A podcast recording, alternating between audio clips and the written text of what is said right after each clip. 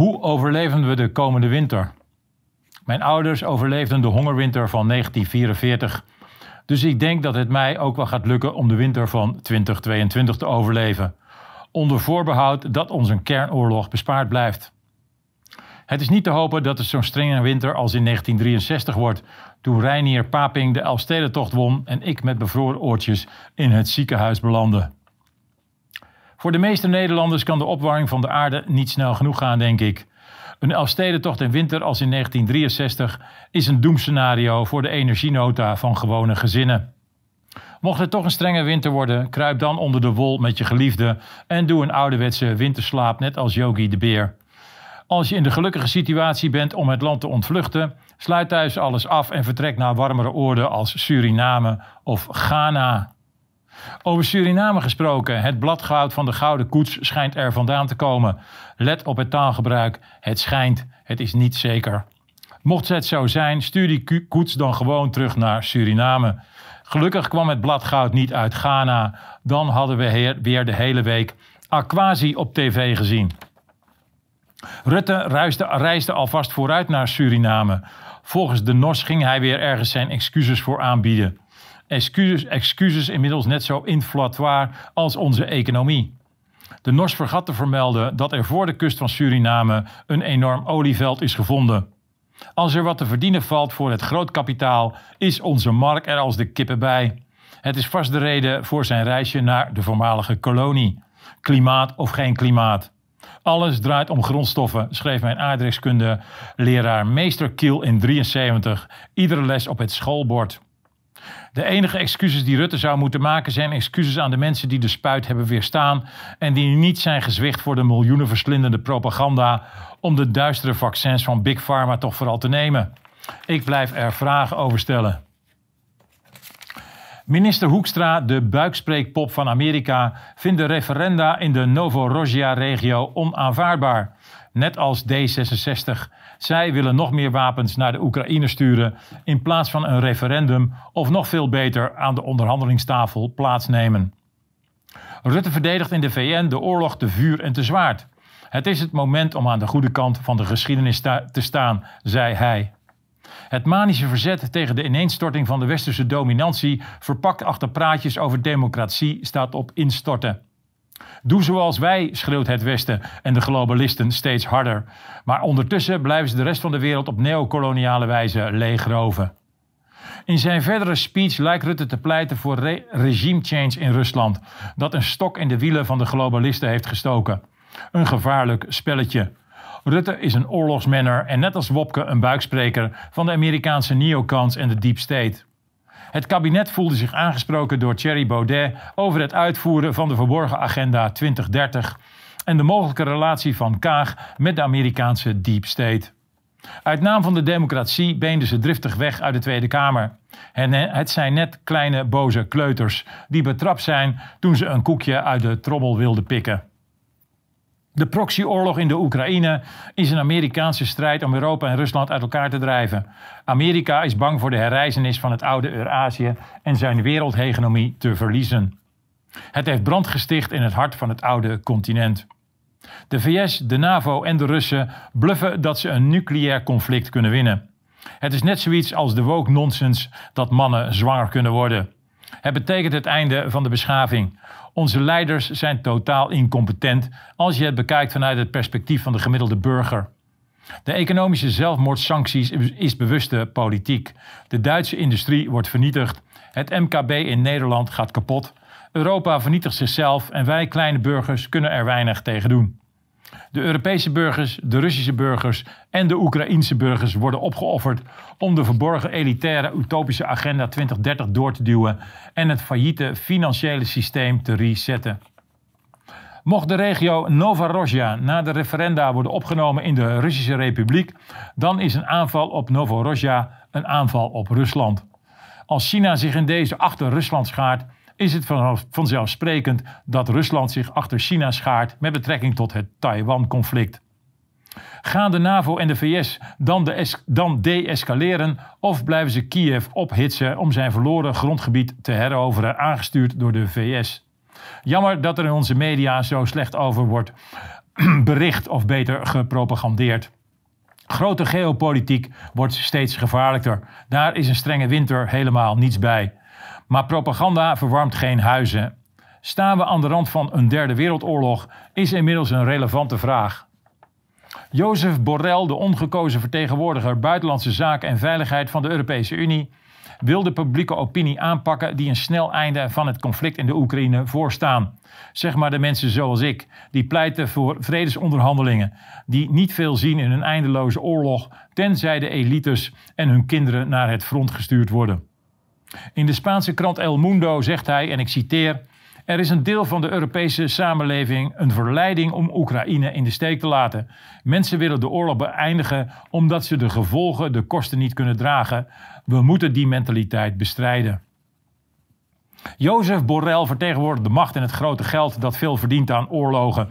Ik wil de oorlog helemaal niet beëindigen omdat we de kosten niet kunnen dragen. Ik wil de oorlog beëindigen om de eenvoudige reden dat oorlog nergens toe leidt. Maar helaas voor degene met grote financiële en geopolitieke belangen kan de oorlog niet lang genoeg duren. Oorlog is een verdienmodel voor elites. Oorlog zorgt net als het bijprinten van geld voor inflatie. Inflatie die ervoor zorgt dat de schulden van de overheid verdampen, maar tegelijkertijd ook de burgers verarmen. Door aan te sturen op meer oorlog tonen overheden aan dat ze er niet zijn voor haar burgers. Net als, net als bij COVID woedt ook hier een propagandaoorlog. Maar propaganda verwarmt geen huizen. Oorlog is natuurlijk niets dan ellende voor de gewone Oekraïner en Rus. Voor de moeders van soldaten die sneuvelen aan beide kanten. We moeten de politici die oorlogen propaganderen blijven exposen. Ursula von der Leyen, de grote niet gekozen Europese leider, hield haar State of the Union speech in Oekraïense kleuren. Ze begon als volgt. We herinneren ons allemaal de verschrikkelijke morgen in februari, wakker geschud door het verschrikkelijke kwaad. Vanaf dat moment is het hele continent opgestaan in solidariteit. Ze acteert Europese eensgezindheid. Ze acteert alsof Poetin uit het niets de Oekraïne is binnengevallen. Alles wat Ursula propagandeert is andersom.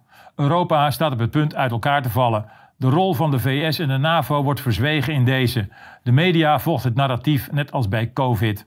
In haar geel-blauwe Oekraïne-pakje propagandeert ze in oorlogsretoriek nog 10 minuten door. Namens wie spreekt deze ongekozen oorlogsminner eigenlijk?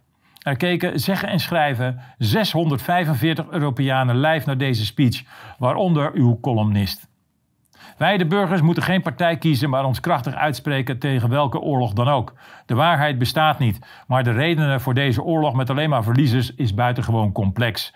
En de NAVO, aangestuurd door de VS, spelen net zo'n kwalijke rol als het Rusland van Poetin. Iedere keer probeert de overheid groepen te complotteren. Nu is Ridouan Taghi weer aan de beurt. Rutte en Amalia zouden door hem worden bedreigd. Alles kan natuurlijk, maar het lijkt mij volstrekte onzin.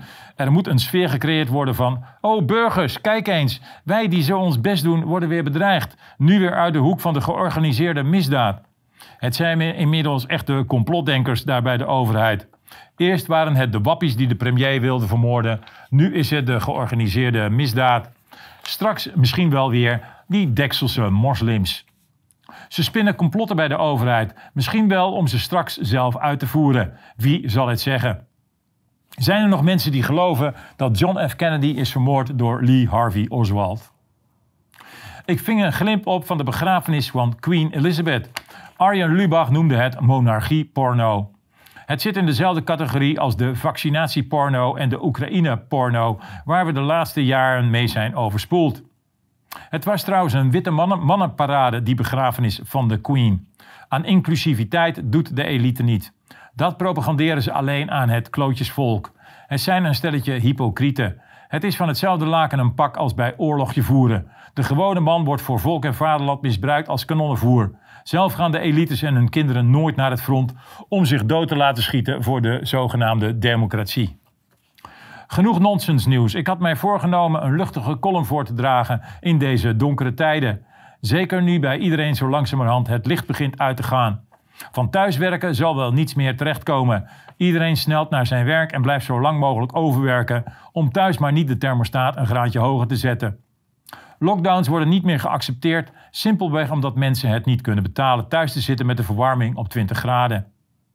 Door de energierekening kunstmatig hoog te maken, creëert de overheid schulden bij de burgers en het MKB. Afhankelijkheid door schuld, waar ik eerder een column over maakte, is hier de achterliggende 2030-agenda. Regeren is vooruitzien. Ik heb inmiddels een petroleumkachel aangeschaft en mijn open haard in ere hersteld. In mijn tuin kweek ik groentes, mijn zoon heeft kippen, want onder geen beding ga ik sprinkhanen of meelwormen eten. Bij de Zeeman heb ik lange onderbroeken gekocht. Deze schitterende muts stamt uit 1973, toen er door de klimaatdrammers een nieuwe allesverwoestende ijstijd werd voorspeld. Daarna kwam de zure regen, de ozonlaag en nu weer de opwarming van de aarde en stikstof.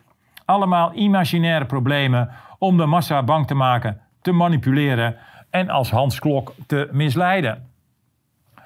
De WHO heeft de pandemie inmiddels onder druk van de enorme protesten vaarwel gezegd.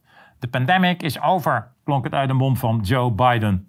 De absurde lockdowns hebben hun verwoestende werking meer dan goed gedaan en zijn niet meer nodig, lijkt het. Maar niets is wat het lijkt in het tijdperk van de omgekeerde werkelijkheid. Er is 5 miljard vrijgemaakt voor virusbestrijding. Dus misschien wordt er nog een poging gewaagd om de bevolking weer te terroriseren met avondklokken, mondkapjes en afstand houden.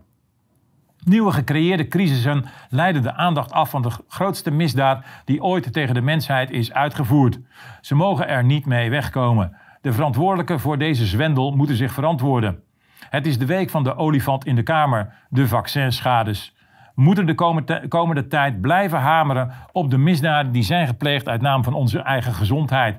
Overheden hebben via ernstige dreigementen veel mensen zover gebracht zich in te laten spuiten met een zogenaamd vaccin, waarvan de gevolgen nog niet te overzien zijn op langere termijn. Feit is dat er, een grote, dat er van grote oversterfte sprake is.